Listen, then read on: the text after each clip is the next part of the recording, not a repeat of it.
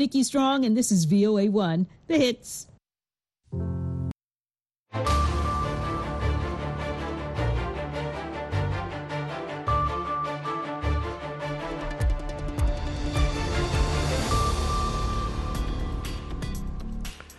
halkani waa washington laanta af soomaaliga ee v o a oo aad ka dhagaysanaysaan mawjadaha gaagaaban ee imada geeska africa iyo caalamka oo dhan oo aad nagala socotaan boggeena internetka ee v o a somaly com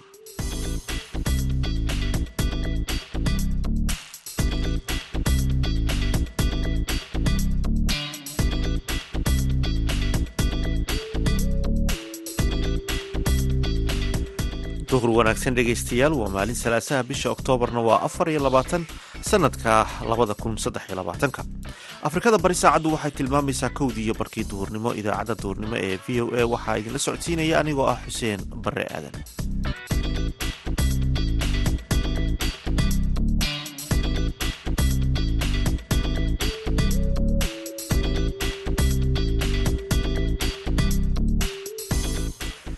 qodobada aad ku baqli doontaan idaacadda duhurnimona waxaa ka mid ah muran ka taagan doorashada puntland ka dhici doonta iyada oo guddiga doorashooyinka ee puntland uu xalay soo saaray. Jadwalka doorashada madaxtinimada iyo midda baarlamaan sidaad og tahayna arrimaha doorashooyinka waxaa udub dhexaad u ah oo mar kasta laga duulaa in guddiyada doorashooyinku ay yihiin waxyaalo laysla ogol yahay la isku waafaqsan yahay dhinacyada doorashada markaa ku biirsa isla markaasna ku dhisan oo lagu dhisay si waafaqsan dastuurka iyo shuruucda markaa u yaalla waxaa kalood maqli doontaan imtixaanaadkii dugsiyada dowla deegaanka soomaalida oo la sheegay in tirada baastay ay aada uga yar tahay tirada ku dhacday imtixaanada. Qodobadaasi iyo warar kale ayaad maqli doontaan balse marka hore ku soo dhowaada warkii dunida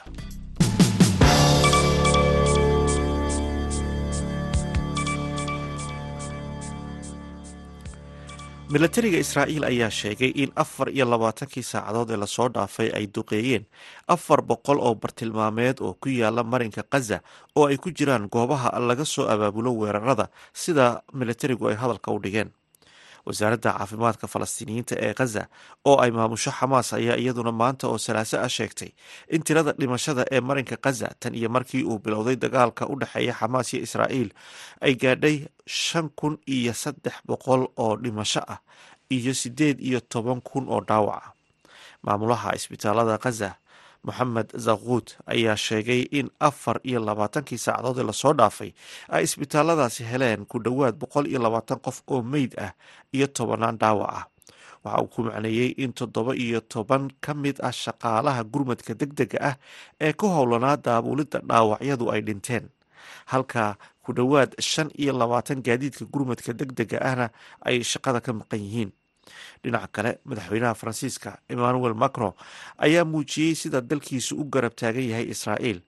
Macron oo booqanaya israa'iil ayaa maanta oo salaaso ah ku baaqay inaan la ballaadhin baaxadda colaadda u dhaxaysa israa'iil iyo xamaas isagoo carabka ku adkeeyey in sii deynta la haystayaasha ay tahay ujeeddada koowaad amaba arrinta mudnaanta koowaad iskale xogeyaha arrimaha dibadda maraykanka antony blinken ayaa u safri doona magaalada new york maanta oo salaaso ah si uu ka qayb galo shir heer wasiir ah oo golaha ammaanka ee qaramada midoobay ay ka yeelanayaan xaaladda bariga dhexe. Inta uu ku sugan yahay new york wasiirku waxa uu sidoo kale la kulmi doonaa dhigiisa iyo mas'uuliyiinta qaramada midoobay sida uu sheegay afhayeenka wasaaradda arrimaha dibadda ee maraykanka blinken ayaa la filayaa inuu saxafiyiinta kala hadlo wadaxaajoodka u dambeeyey ee qafaalashada iyo weerarka israa'iil ay ku qaatay khaza intii uu safarka ku jiray. Safarka blinken ayaa imanaya iyada oo dowladda maraykanka ay sheegtay in hadda aan la joogin xilligii xabad joojinta. Sida ay sheegeen saraakiil ka tirsan aqalka cad iyo wasaaradda arrimaha dibadda ee maraykanka afhayeenka golaha amniga qaranka john kerby ayaa u sheegay saxafiyiinta isniintii shalay inaanu aaminsanayn in la joogo wakhtigii ku habboonaa xabad joojinta. Dhinaca kale afhayeenka waaxda arrimaha dibadda ee maraykanka matthew miller ayaa ku sheegay shir jaraa-id oo gaar ah in dowladda maraykanku ay sii wadi doonto sidii gargaarka bini-aadanimo loo gaarhsiin lahaa marinka khaza intaasna dhegeystayaal waxaa inoogu idil warkii dunida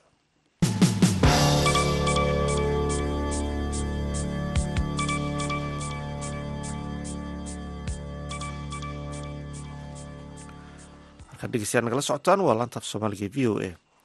Guddiga doorashooyinka puntland ee bek loo soo gaabiyo ayaa xalay soo saaray jadwalka doorashada madaxtinimada iyo baarlamaanka puntland oo isu waqti dhici doona.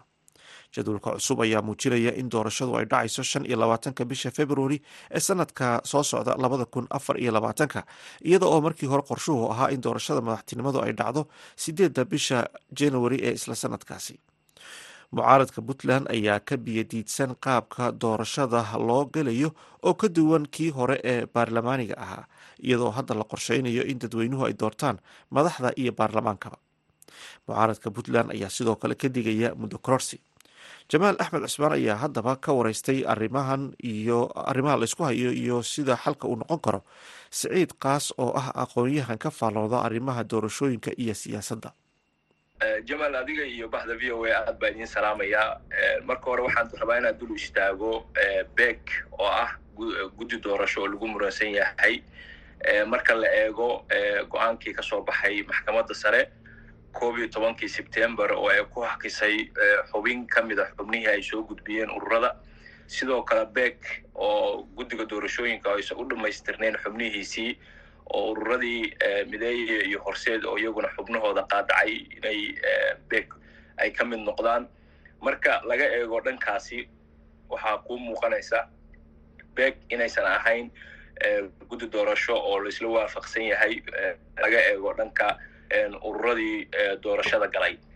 Taas marka laga yimaado jadwalka doorashada ay xalay soo saareen waxaa ka muuqanaysa inuu yahay mid si cad looga dhadhasan karo inuu yahay mid muddo kororsi u xaglinaya xukuumadda puntland iyo madaxtooyada. Waa tahay guddiga doorashooyinka puntland bek inkastoo siyaasiyiin mucaarada badankood ay go'aanka soo saareen diideen haddana haddii xubnaha kale ee xisbiyada ama ururada mucaaradka ay diideen inay ka mid noqdaan guddiga doorashooyinka xubnihii ay ku lahaan lahaayeen miyaanay ahayn mid eedda dhinacooda ay ka qaadanayaan oo hawshii loo igmaday guddigu in ay qabtaan doorashooyinka ay sidooda u sii wataan. Marka laga eego sida uu qabo dastuurka puntland iyo habraaca beeg lagu soo dhisayey oo ahaa oo tilmaamaya in xubnaha beeg ay ka kala imaanayaan ururada iyo sidoo kale xukuumadda iyo sidoo kale baarlamaanka. Waxaa halkaasi laga dhadhasan karaa ah beeg dhismaheedu inuu yahay guddi ku dhisan consensus oo ah mid laisla ogol yahay laiskuna waafaqsan yahay. Haddii marka ururadii doorashada geli lahaa aysan xubnahoodii qaarkood soo dirsan qaar kalena la hakiyey xubintoodii oo maxkamadda sare ay hakisay sidaad og tahayna arrimaha doorashooyinka waxaa udub dhexaad u ah oo mar kasta laga duulaa in guddiyada doorashooyinku ay yihiin waxyaalo laisla ogol yahay la isku waafaqsan yahay dhinacyada doorashada markaa ku bidasa isla markaasna ku dhisan oo lagu dhisay si waafaqsan dastuurka iyo shuruucda markaa u yaalla waa tahay. Siciid marka waxaa la isweydiin karayaa asalka muranka dooda. Ma xilliga doorashada la qabanaya ma qaabka doorashada loo gelaya muxuu yahay? Haddaad dhegeystayaasha u bayaaniso.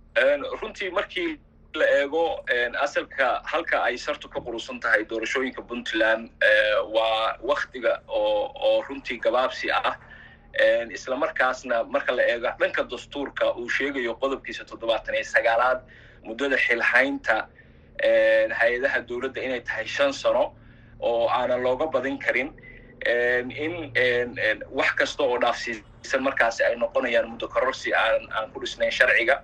Sidoo kale mushkiladda asalku waxay iyaduna ku haysaa qaabka iyo nooca doorashada puntland ka dhacaysa oo sidaad og tahay markii la galay golayaashii deegaanka doorashadooda shan iyo labaatankii may dhinacyada qaarkood sida madasha siyaasadda oo kale maxkamadda dastuuriga waxay u gudbisay galdacwadeed ku aadan doorashadii puntland ka dhacday sharciyadeeda.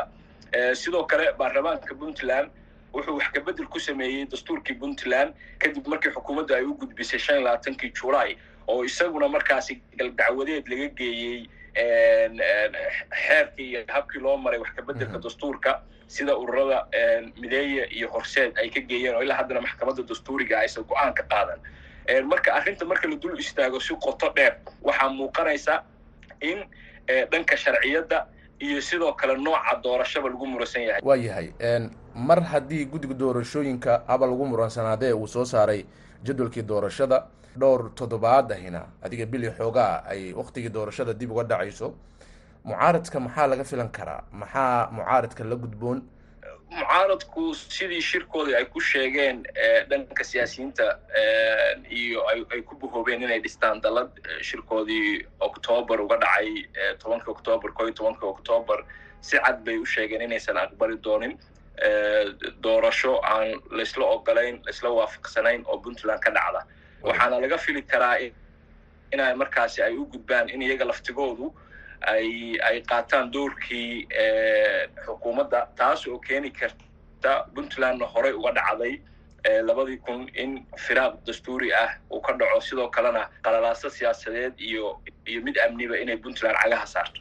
Marka puntland maxaa la gudboon mar haddii xaaladda meeshaasi ay marayso waxaa habboon in puntland amniga iyo xasiloonida ay ay ay haysatay loo turo isla markaasna shirkii isimada oo weli hadda ka socda garowe oo la filayay inay isagana warmurtiyeed ka soo baxaan laakiin ay bek iyo xukuumaddu ay ka hor dhaceen in in arrintaasi dib loogu noqdo puntlandna ay ka dhacdo doorasho laisla ogol yahay wax mudan jamaalow arrimahan doorashooyinka iyo dimuqraadiyiinta wadamo gaamuray oo lahaa hay'ado gaamuray ayaa bugii carabta ku burburay sida libiya iyo yemen iyo wadamadaas oo runtii qaladaase baa xadle ka qaaday. Marka arrimaha dimuqraadiyiinta iyo doorashooyinku waa arrimo halistooda iskale mar kastana waxaa mudan in laga hormariyo in si nabdoon ay ku dhacdo doorashado laisla ogol yahay. Taas weyna midda reer puntland iyo dadka puntland la gudboon aad ayuu mahadsan yahay saciid kaas oo ah aqoon-yahan ka faallado arrimaha doorashooyinka iyo siyaasadda oo u warramiyay wariyaha v o da jamaal axmed cusmaan. Halkaad kala socotaana waa laataaf soomaaliga v o a. Markana dhegeystayaal aynu ku wada nasanno mid ka mid ah heesahaan idinku talagalnay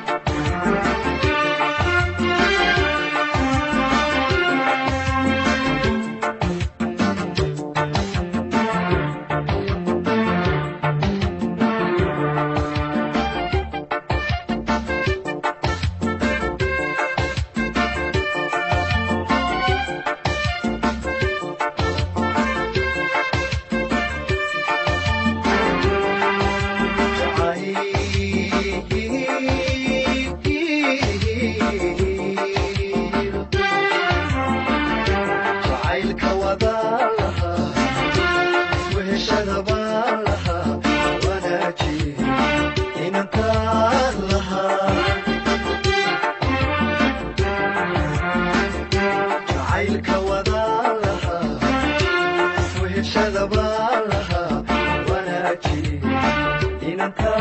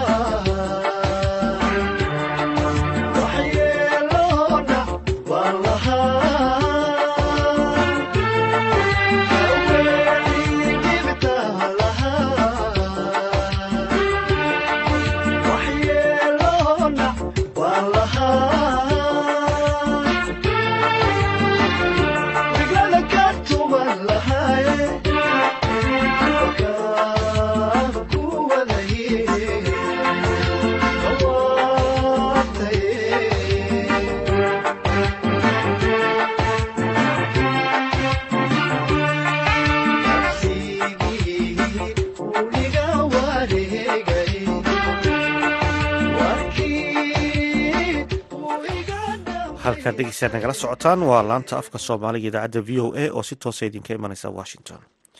Dhowaan ayaa la shaaciyey natiijada imtixaanaadka shahaadiga ee fasalka labiyo tobnaad ee dalka etoobiya tirada ardayda ee imtixaanka ku dhacday ayaa aada u badan iyada oo tan oo kalena ay dhacday sannadkii hore. Dadka waxbarashada iyo barbaarinta ka shaqeeya ayaa walaac ka muujiyey natiijada aadka u hooseysa ee ardayda dugsiyada sare ay helayaan haddaba wariyaha v o eda jigjiga maxamed cabdiraxmaan gaata ayaa sababaha keenay arrintan ka wareystay. Cabdiraxmaan khadar shariif catooshe oo ah bare jaamacadeed arrimaha waxbarashadana muddo ku soo jiray. Runtii waa arrin dee laga xumaado oo hadda wadanka oo dhan horta waa deegaankeena gaarku maahe waa wadanka dhan arrin ka dhacday wey dalka etoobiya hadda waxaa galay imtixaanka sideed boqol afartan iyo shan kun baa gashay. Sideed boqol afartan iyo shantii kun toddoba labaatan iyo toddoba kun oo u dhiganta boqolkiiba saddex keliya ayaa ayaa gudubtay. Waa dalka etoobiya markii la yidhaahdo. Deegaankeena markii loo yimaado waxaa gashay labaatan iyo kow kun toddoba boqol labaatan iyo sideed inay ahayd baan filaya marka iyagana waxaa soomaalida deegaankeenana waxaa gudubtay toddobaatan iyo afar arday keliya ka gudubtay. Waa wax ka yar one percent ninety nine percent ardaydii dowlad deegaanka soomaalida way daateen. Marka waa sidaan u arka waxa weeyaan waa arrin aad iyo aad culayskeeda u leh waana arrin musiiba wey saan u arka aad waa madsantay atoshi. Maxaad isleedahay sababta keentay in tire intaa la-eg oo arday ay dhacaan? Runtii waxyaaba badan baa isbiirbiirsaday waxyaabaha isbiirbiirsaday waxaa ka mid a aan is leeyahay sidaad la socoto dalka etoobiya macalimiintu waxaa la odhan karaa waa dadka ugu mushaharka yar weeye mushaharkii macalinku waxaa laga yaabaa inuuna qol kiradii magaalada jigjiga ka goyn. Macalinka kiradiisii hadda tusaale ahaan haddaan soo qaadano. Macalinka xataa jaamacadda dhigaya waa dugsiyadii hoose iyo dugsiyadii sariya iska dhaaf. Ayaa waxa weeyaan mushaharkiisu shan iyo toban kun meelahaas.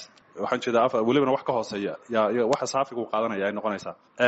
Waa wax ka yar waxa uu qaato ninka baalashlihii wiil baalashlahan maalin weydiiyey. Waxaan ku yidhi maxaad maalinka ku soo gala waxay soo gashay shan boqol jumcadana wayba ka sii badan tahay bu waxay soo galaa. Faktarada ha macalinkaa ka mid a mushaharkiisoo yar baa ka mid a. Waxaa ka mid a manhajka laftiisa ayaa waxaan islahay isaga laftiisu qayb buu ka noqonaya khaasatan luuqadda waxbarashada.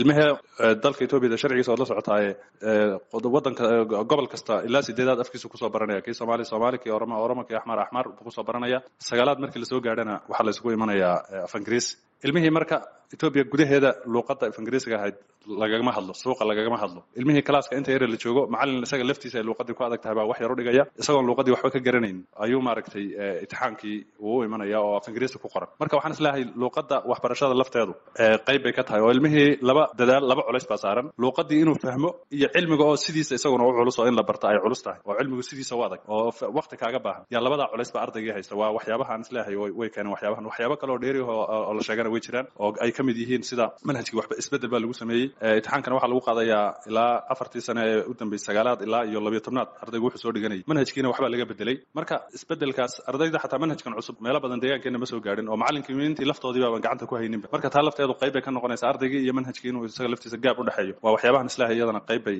yay ka noqonaysaa.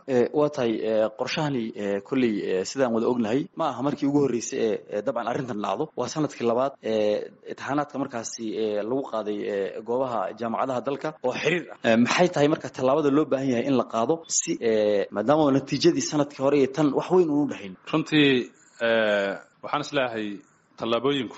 Haddii xanuunka boogtii maaragtay dusha uun laga dhayo oon la daweynin boogta iyo xanuunkii ma dhammaanayo dusha un dhayman laga marmariyo lakiin inaan la daweeyo oo la irbadeeyo xanuunku u baahan yahay waxaan is leeyahay arrintani waxay u baahan tahay tii aan hadda ka hadlayey macalimiinta laftooda inaa maaragtay kor loo qaado. Sababtoo ah macalinka kolkay meesha macalinimadu hadday noqoto mihinada uu qofka maxaan ku dhahay dadku ay ka cararaan hadday noqoto. Oo dadkii tayada lahaa oo dhan ay iskaga cararaan inay macalin noqdaan. Waxay waxaa imanaysa dee macalin aan tayo lahayn arday aan tayo lahayn buu soo saaraya. Natiija daraa meesha ka imanaysa. Marka waxaa loo baahan yahay macalinka in la tayeeyo si dadka tayada leh aqoontiisa aqoonta inaa mushaharkiisa khaasatan inaa maaragtay dib wax isbeddel lagu sameeyo guriyeyntiisa la fiiriyo waxyaabaha macalinimada ay noqoto shaqo lagu faano oo dadku u tartamaan dadka dadka maaragtay tayada leh ay u tartamaan inuu noqda laga rabaa taasna dadku dee nolol bay raadinayaan. Nin waliba wuxuu is leeyahay meesha fiican baa ya taasi waa ka mid. Manhajka laftiisa. Isaga laftiisa inaan wax laisla sidan uu hadda yahay wax laga bedelaan anigu aaminsanahay. Luuqadii marka waxaan dhihi lahaa anigu ha looga soo bilaabo ciyaalka. Hoos iyadoo macalimiintii aan soo sheegnayna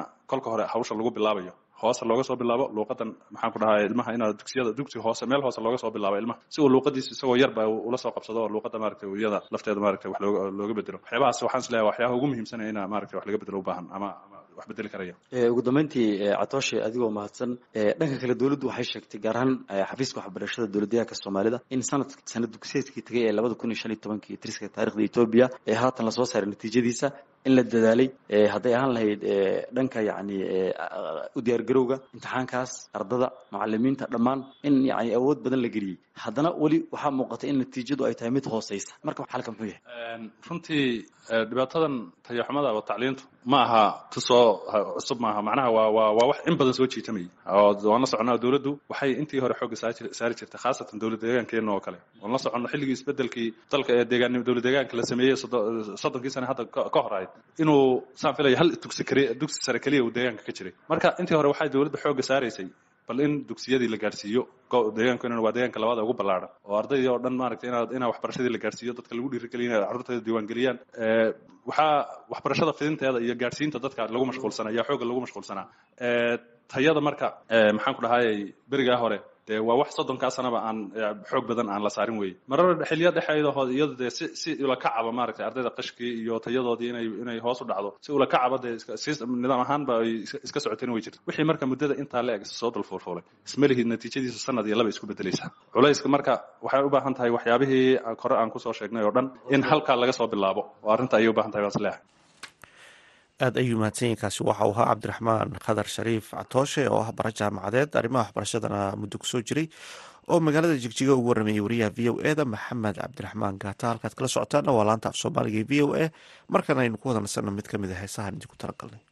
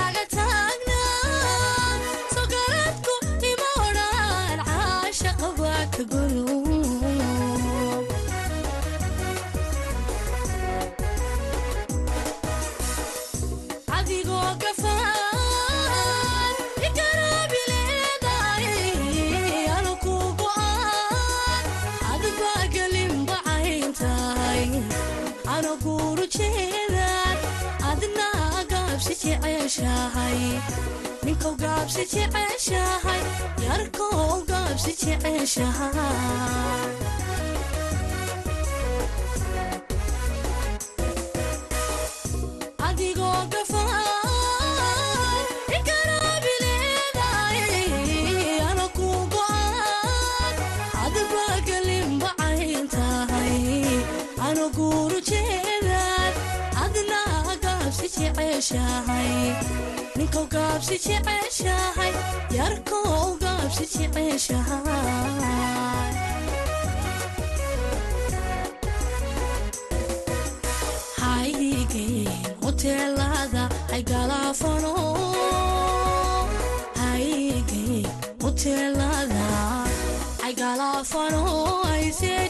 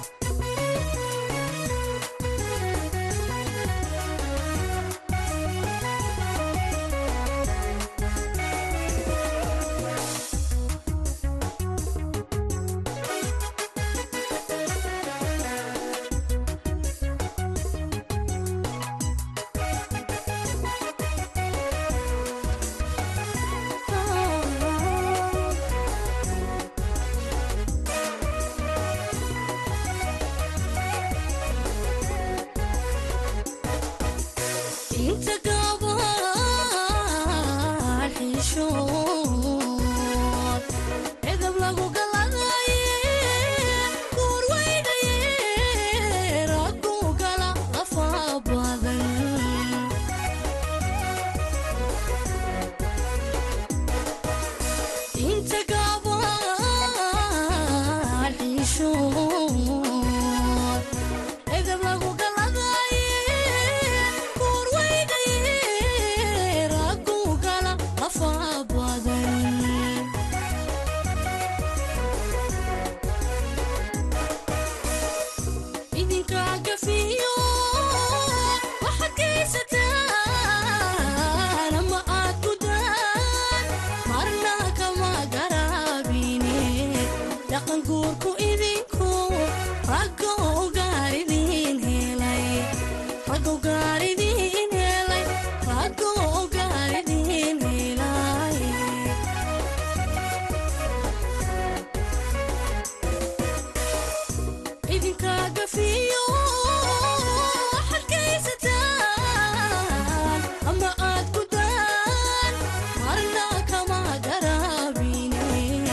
dhaqan guurku idin